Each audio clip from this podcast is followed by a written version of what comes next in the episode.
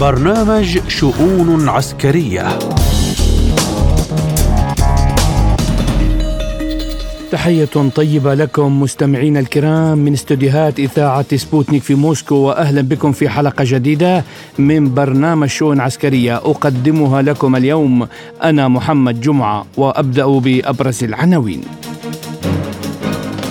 تواصل الاشتباكات بين الفصائل الفلسطينية والقوات الإسرائيلية المتوغلة في قطاع غزة.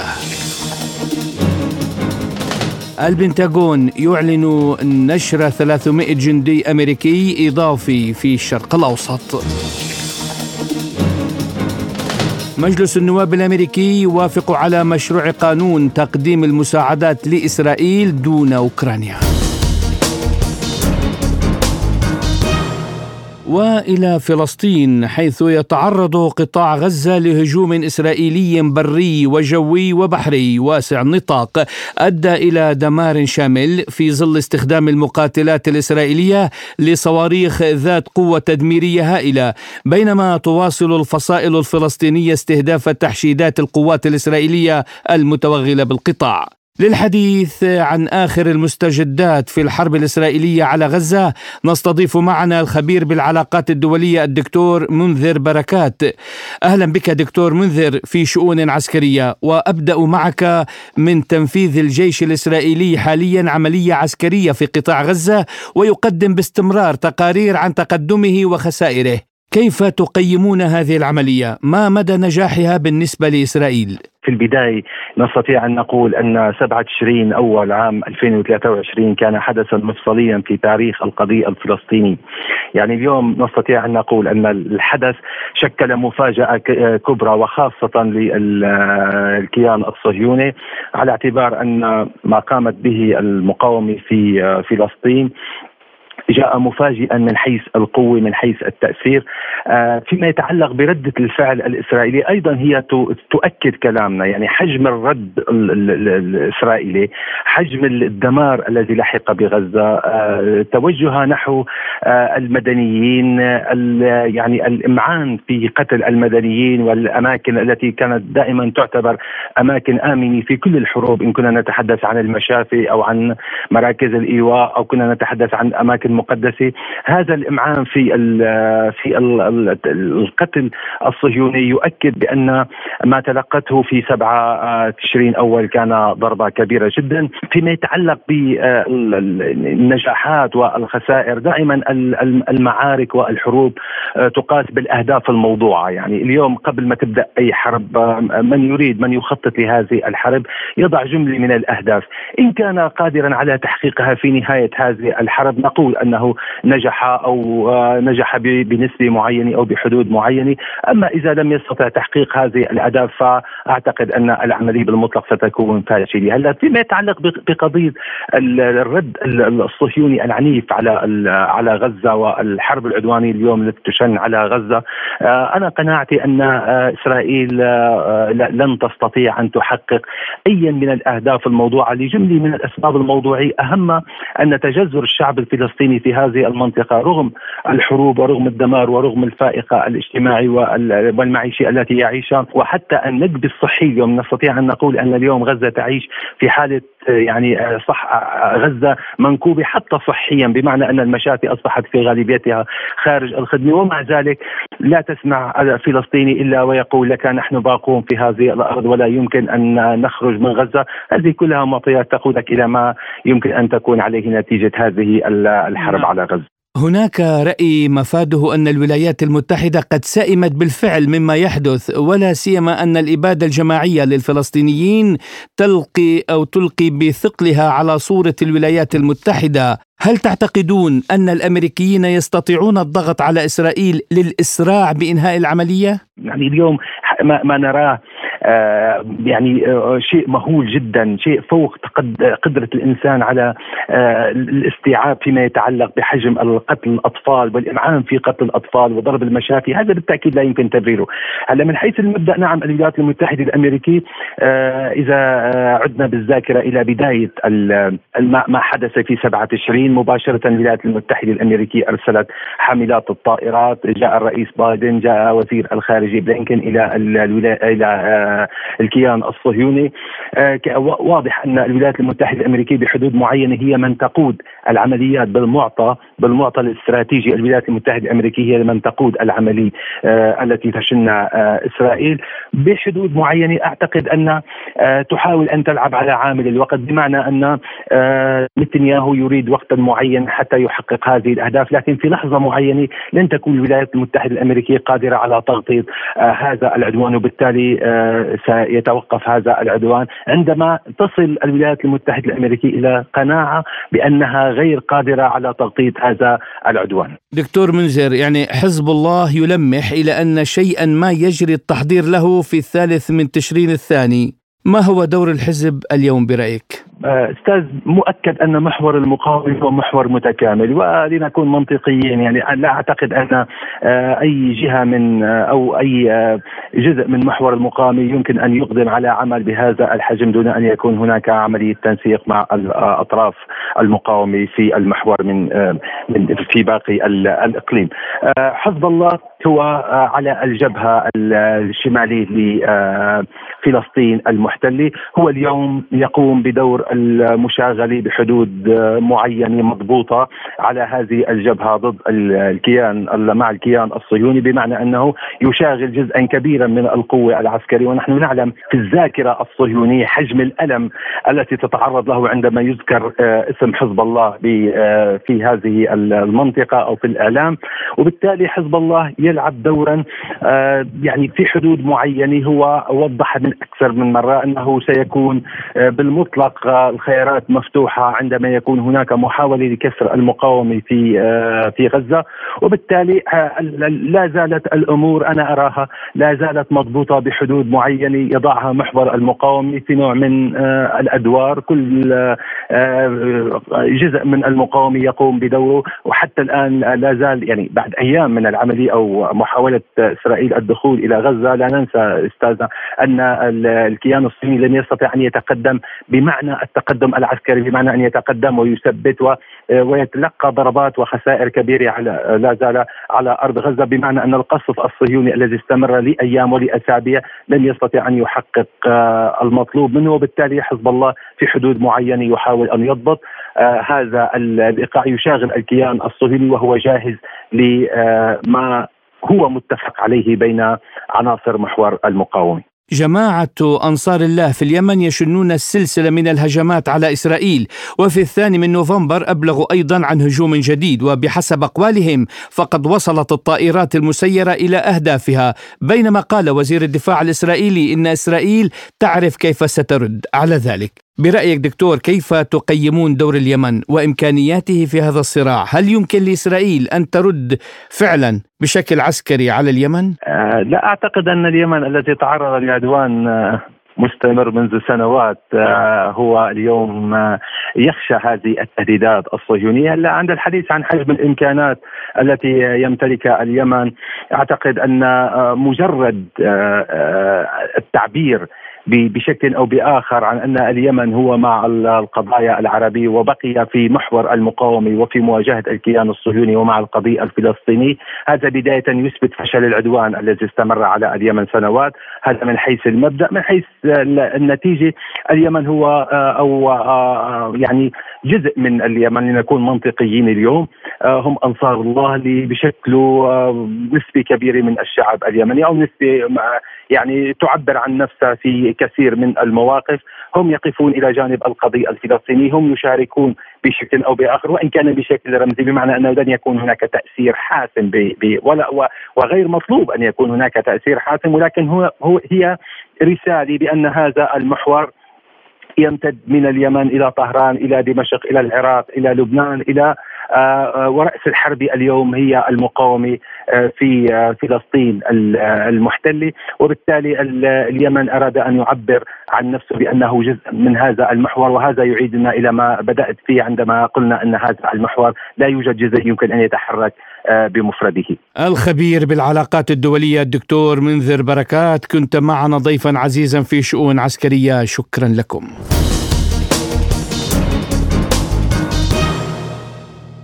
وفي ملفنا التالي البنتاغون يعلن نشر 300 جندي أمريكي إضافي في الشرق الأوسط. فقد أعلن المتحدث باسم البنتاغون باتريك رايدر أن الولايات المتحدة قررت إرسال 300 جندي إضافي إلى منطقة مسؤولية القيادة المركزية في الشرق الأوسط. إلا أنه أكد عدم مشاركتهم في العمليات القتالية في إسرائيل في غضون ساعات من بدء الهجوم الجوي المروع الذي تشنه إسرائيل على غزة بدأت الولايات المتحدة في تحريك السفن الحربية والطائرات إلى المنطقة لتكون جاهزة لتزويد إسرائيل بكل ما تحتاجه لمواصلة أعمالها العدوانية. حيث وصلت حاملة الطائرات الأمريكية جيرالد فورد مع مجموعة هجومية إلى شرق البحر الأبيض المتوسط ثم أعلن البنتاغون عن إرسال مجموعة هجومية أخرى مع حاملة الطائرات يو إس إس إيزنهاور إلى شواطئ إسرائيل. وتضم المجموعة الهجومية أيضا طرادات صواريخ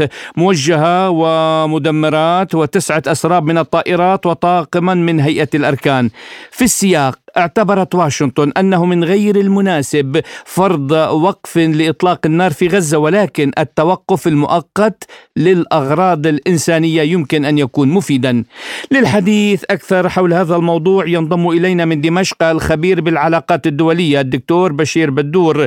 أهلا بك دكتور بشير في شؤون عسكرية وأبدأ معك من إرسال أمريكا 300 جندي إضافي إلى الشرق الأوسط وسط تصاعد حرب غزة ليكون ذلك بمنزلة رادع لإيران وحزب الله بعدم التورط في الصراع بين إسرائيل وحماس يعني ما هو المخفي من هذا التبرير؟ أنا باعتقادي اليوم أن يعني هذا التصرف من قبل الإدارة الأمريكية يعني يمكن أن يعطينا مدلولا كما أن تقول الإدارة أننا سنحرك حاملة الطائرات عبر المياه الإقليمية في إلى شرق المتوسط يعني هي نوع من الاستعراضات ل يعني ردع معين ولا أعتقد أن يكون هذا الرادع بمثابة المضمون الحقيقي لمعنى التحرك. يعني اليوم لم يعد يخفى على أحد أن الإدارة الأمريكية قد فشلت في سياستها الخارجية تجاه آه، مجريات آه، ثلاثة عقود من السنين آه، ما جرى في أفغانستان في العراق في سوريا تحالفها ضد اليمن يعني النزاعات التي طورتها أيضا خلال السنوات الأخيرة من السودان وغيرها. ولا ننسى أيضا يعني الأهم في ذلك أنها حاولت أن تجعل من أوكرانيا رأس حربة أو خاصرة للدوله الروسية ومن خلالها يمكن لها أن تستنزف الأعمال أو القوات الروسية. هذا اولا. ما يتعلق يعني اليوم بإرسال أو كما سمعنا عبر وسائل آه، الإعلام أن هناك بعضا من آه، الجنود أو في زيادة لهذا العدد.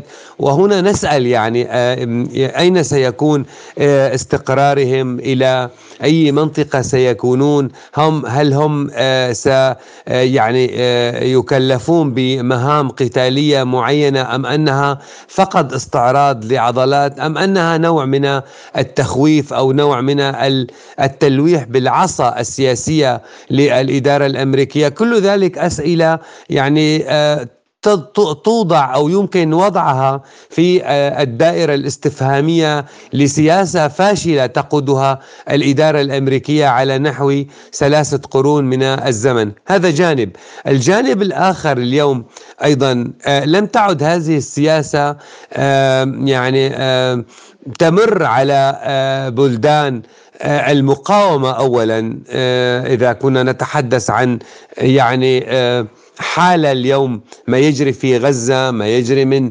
تحالف لمقاومة عبر المحور اللبناني حزب الله وسوريا والعراق وإيران واليمن وغيرها. هذا الموضوع لم يعد خافيا على هذه الدول استعراض العضلات أو الهشاشة الأمريكية. هذا جانب جدا مهم. وكما أذكر دائما أن التجاذبات اليوم مما يجري على الساحة الدولية أيضا أصبحت يعني في حالة جهوزية لوضع حد للإدارة الأمريكية. لذلك هي بقيت على شاكلة أن التلويح بالعصا سياسة الاستعراض سياسة التمرير لبعض يعني المخاوف من انعقاد مجلس أمن اجتماع الجمعية العمومية آه، يعني آه، إيجاد قانون كما حاصرت سوريا بقانون قيصر يعني إيجاد قوانين أخرى هي اليوم لم تعد قادرة على هذه الأفعال على الإطلاق أو تمرير بعضا منها نهائيا. قال المتحدث باسم البنتاغون إن القوات الأمريكية ستنطلق من الولايات المتحدة لكنها لن تكون في إسرائيل، اذا أين ستكون؟ أم أن البنتاغون كالعادة يرسل رسائل تطمينية قبل البدء بالعمليات الاعتدائية؟ فعلا نوت أن آه، ربما يكون مقر هذه القوات في آه، الشرق السوري في آه، إسرائيل في قاعدة إنجرليك التركية قاعدة في تركيا طبعا ليست تركيا في تركيا قاعدة العتيد في قطر هناك ربما قواعد ولكن تبقى رسالة وإن كانت بعيدة المدى جغرافيا لكنها رسالة إلى العالم أننا اليوم يمكن لنا أن آه، ندعم آه، الكيان الإسرائيلي في حربه آه، مع غزة. وبالتالي اليوم هذه الرسالة إذا فعلا وصلت كما تريد الإدارة الأمريكية إنما يعني تنشئ ردا عكسيا من قبل كثير من الدول. آه، اليوم لم تصل الإدارة الأمريكية إلى مشروعية كاملة. أتحدث عن آه، مشروعية دولية في أن تخوض مع الكيان الإسرائيلي حربا آه، ضد قوات أو ضد مقاومة. وهذا طبعا مخالف للقانون الدولي. وبالتالي اليوم إذا ما حصل ذلك ثق آه، هناك أيضا قوات إن كانت روسية إن كانت صينية إن كانت إيرانية ستقابل بنفس الطريقة ويتم العمل على تهيئة الظروف لإنشاء ضربات وهذه ستقود إلى آه، ربما حرب مباشرة. لن تكون هذه الدول وأتحدث هنا عن الدول آه، الداعمة لمحور المقاومة لن تكون مفردة أو لوحدها في الميدان. آه، يعني يلقى الأمر دعما دوليا لجهة نصرة المقاومة. في المقابل سيكون هناك ردا غربيا وبالتالي نقترب من آه، نواة لحرب عالمية آه، آه، ثالثة. والكل يتوخى هذه المشروعية يتوخى إعطاء الفرصة للإدارة الأمريكية لدعم الكيان الإسرائيلي. دكتور كيف تقرأ المشهد في حال اندلعت نيران الحرب الإقليمية باشتراك كل محور المقاومة على خلفية التصعيد الإسرائيلي في غزة؟ لو توسعت دائرة الحرب على غزة من قبل هذا الكيان. هل هناك يعني وهنا أنا أسأل وأجيب هل هناك سيكون دعما من محور المقاومة؟ إذا كان هناك دعما أو اشتراك في هذه الدائرة الموسعة هل هناك سيكون فعلا يعني ستكون هذه الحرب نواة لحرب إقليمية؟ هذا أعتقد أنه سؤال أو لسان حال الشارع العربي والإسلامي وربما آه، يعني آه، الدول المناهضة لسياسة الإدارة الأمريكية. اليوم الإسرائيلي منتهك إلى حد ما قد آه، زلته صواريخ المقاومة، اليوم هذا الكيان يعني يتعثر في ركلاته التي يتلقاها من قبل المقاومة بصواريخ ذات صناعة محلية، هناك صيحات بوقف الحرب والزعر المتواجد في تل أبيب والكثير من المستوطنات. وبالتالي يعني هناك قلق حقيقة الأمر إسرائيلي وسمعنا في الآونة الأخيرة أن هناك صواريخ يمنية أن هناك حراك يمني قد تقدم إلى الدائرة الأولى. كلها آه، يعني تشي آه، الحال آه، لن يكون إلى الخلف بل إلى الأمام من توسيع دائرة المقاومة وتوسيع دائرة إشعال حرب الخاسر بها هو الكيان الإسرائيلي. حتى وإن كان يعني آه، مدعوما أمريكيا أو غربيا. كما ذكرت يعني لماذا نسأل أن اليوم الخاسر؟ لأن اليوم العالم انقسم إلى يعني آه، آه، تعدديات أو تعددية قطبية. لم يعد لم تعد القطبية الأحادية هي الحامل الرئيسي للقانون الدولي أو للتفرد بالقرار الدولي. هناك انقسام هناك انقسام شرقي وانقسام غربي. ربما الأمر سريريا وانتهى من الحالة الجنينية لكن في طور النمو إلى أن يكون هناك فعلا تعددية وردع الإدارة الأمريكية عن ممارساتها آه، الإرهابية الإجرامية الاستيطانيه الداعمة للنزاعات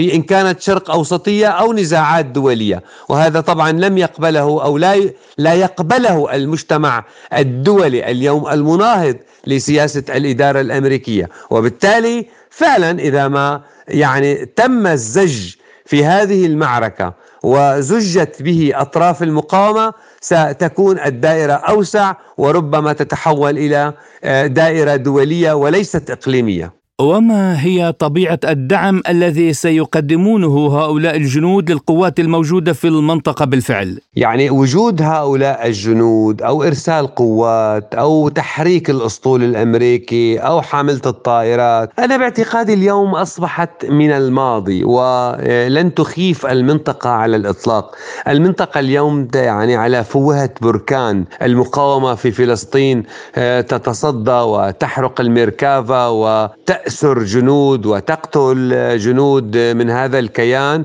إذا هناك أيضا في الضفة الأخرى آه، من هم آه، يعني جاهزون لأن يدعموا أبطال المقاومة إن كان من محور المقاومة أو حتى من آه، أنظمة أو دول دولية أو إقليمية. وبالتالي اليوم لا أعتقد أن مسألة وجود قوات دعم أو داعم أو الإعلان عن إرسال قوات أو تحريك آه، الحاملة الأمريكية سيكون له التأثير العكسي أو السلبي لمقاومة فلسطين أو حتى محور المقاومة.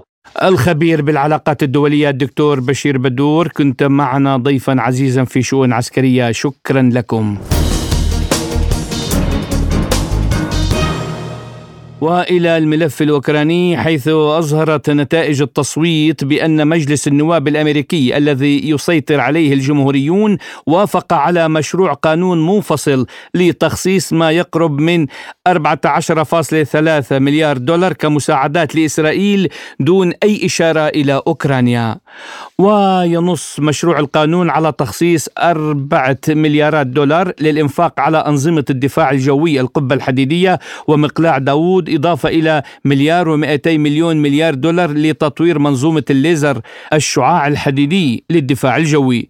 في سياق متصل وعد المرشح الرئاسي الأمريكي في فيك راماسوامي في حالة فوزه بالانتخابات بأن يعرض على الرئيس الروسي فلاديمير بوتين صفقة ترفض واشنطن بموجبها قبول أوكرانيا في الناتو والاعتراف ضمنا بالأراضي المحررة تحت سيادة روسيا. مبررا ذلك بحقيقة أن هذه المناطق يسكنها سكان ناطقون بالروسية كل هذا مقابل فض التحالف بين موسكو وبكين التي في رأيه تشكل تهديدا حقيقيا للولايات المتحدة قال رمسوامي بعدم السماح لأوكرانيا بالتسبب باندلاع حرب عالمية ثالثة من خلال جر الولايات المتحدة إلى الصراع. وللحديث أكثر عن آخر تطورات الحرب في أوكرانيا نستضيف معنا مدير قناة الميادين في موسكو الدكتور مسلم شعيتو. أهلا بك دكتور مسلم في شؤون عسكرية. أهلا وسهلا. أهلا وسهلا وأبدأ معك من موافقة مجلس النواب الأمريكي على مشروع قانون تقديم المساعدات لإسرائيل دون أوكرانيا، يعني هل بدأت أمريكا بالتخلي عن العبء الأوكراني؟ ولا سيما أن هناك من هو أولى من أوكرانيا التي أصبحت ورقة خاسرة للغرب الأوروبي كله؟ أه، مساء الخير لك وللمشاهدين والمستمعين. حكما كما قلت حضرتك أصبحت ورقة خاسرة أمام ما يحدث في الشرق الأوسط، الشرق الأوسط هو النقطة الأساسية والمركز الأساسي لسياسة الولايات المتحدة في تأثيرها ليس فقط على المنطقة وأيضا تعتقد أن بذلك تعيق حركة روسيا وتعيق حركة الصين هناك وحكما حركة إيران. وبالتالي برأيها من يربح الشرق الأوسط يستطيع أن يربح الساحة الدولية مجددا ولفترة طويلة. وبذلك ستعيد النظر بمساعدتها لأوكرانيا لكن دون أن دون أن تترك أوكرانيا آه، بدون مساعدات معينة تتيح لها الاستمرار بالقيام بأعمال عسكرية معينة. وقد وهذا متوقع وقد تنتقل المكنة العسكرية الأوكرانية لتنفيذ أجندة أمريكية عبر استعمال الإرهاب وإرسال المقاتلين الأوكران إلى الكثير من دول العالم منها سوريا منها إسرائيل منها أفريقيا. لكي تتحدى مصالح الدول التي تتصارع مع الولايات المتحدة الأمريكية. نعم آه، دكتور اليوم الولايات المتحدة تغازل روسيا بالوعود بالاعتراف بالأراضي المحررة تحت سيادة روسيا وعدم ضم أوكرانيا إلى الناتو. ولكن هذا مقابل آه، أن تتخلى موسكو عن حليفتها بكين. هل برأيك سيقبل الرئيس بوتين بهذا الخيار؟ وهو الذي يعرف أن ليس كل ما يلمع هو ذهب. الرئيس بوتين وأيضا شي جين بينغ الرئيس الصيني يعرف إذا سقط أحدهما سقط الآخر. وأي إغراءات تقدمها الولايات المتحدة هي مرغمة أو تسعى من أجل اكتساب الوقت للارتداد لاحقا على آه، من تقدم له الإغراءات. هي حاولت عبر الصين لم تنجح. حاولت عبر إيران بتقديم المساعدات والإفراج عن بعض الأموال. لم تنجح تحاول مع روسيا ومع الكثير من الدول حتى مع فنزويلا حاولت. لكن أعتقد أكثر السياسيين في العالم بدأوا يعرفون أن هذه سياسة احتيال أمريكية مرحلية من أجل التفرغ لمعارك محددة حاليا في الشرق الأوسط. هي تضحي بأوكرانيا من أجل أن تربح في الشرق الأوسط. لكن كما قلت من يربح الشرق الأوسط يعيد ترسيم خريطة العالم. ولذلك الرئيس بوتين لن يوافق ولا أعتقد أن سياسيين عقلانيين في روسيا بغض النظر عن بعض وسائل الإعلام الروسية المرتبطة بإسرائيل قد تسوق الكثير من هذه الأفكار. نعم آه، دكتور لاحظت إنه في بأوكرانيا رفض شعبي كبير لزيلينسكي، يعني هل بدأت تتبلور نهايته الآن؟ حكما أوكرانيا شعبا وحتى آه، عسكرا وجيشا يعانون كثيرا وعانوا كثيرا من سياسة زيلينسكي حيث دفع البلاد إلى الانهيار الاقتصادي والأمني والاجتماعي. فستظهر على السطح أيضا آه، محاولات كثيرة وأصوات كثيرة آه، تطالب بإعادة النظر بسياسته. لكن للأسف حتى الآن هذه المحاولات ما زالت متواضعة ضعيفة لا تستطيع التأثير رغم أنها بدات. نعم ولنا سؤال أخير دكتور مسلم، أوكرانيا تعترف بعدم قدرتها على مواصلة القتال إذا توقف الغرب عن دعمها، يعني هذا أليس هذا تلميح بقبول المفاوضات مع روسيا؟ حكما حكما أوكرانيا تعرف تماما دون المساعدات العسكرية والمادية تنهار خلال يوم وبالتالي للحفاظ على مكتسباتهم وخاصة في السلطة أعتقد أنهم مستعدون لتقديم الكثير من التنازلات ولا لا يعنيهم لا الشعب الأوكراني ولا الأرض الأوكرانية كما كانوا سابقا. ومن أجل الحفاظ على مواقعهم مستعدون للتقديم وأن يقلبوا كل تحالفاتهم. هذه الطبقة الفاسدة الطبقة آه، التي لا تسعى إلا لمصالحها الخاصة مستعدة لأن تقوم بما يملي عليها آه، هذه المصالح لتحقيقها. ودون الأخذ بعين الاعتبار مصالح الشعب الأوكراني. نعم مدير قناة الميادين في موسكو الدكتور مسلم شعيتو كنت معنا ضيفا عزيزا في شؤون عسكرية. شكرا لكم. مستمعينا الأفاضل إلى هنا تنتهي حلقة اليوم من شؤون عسكرية. كنت معكم أنا محمد جمعة. شكرا لإصغائكم.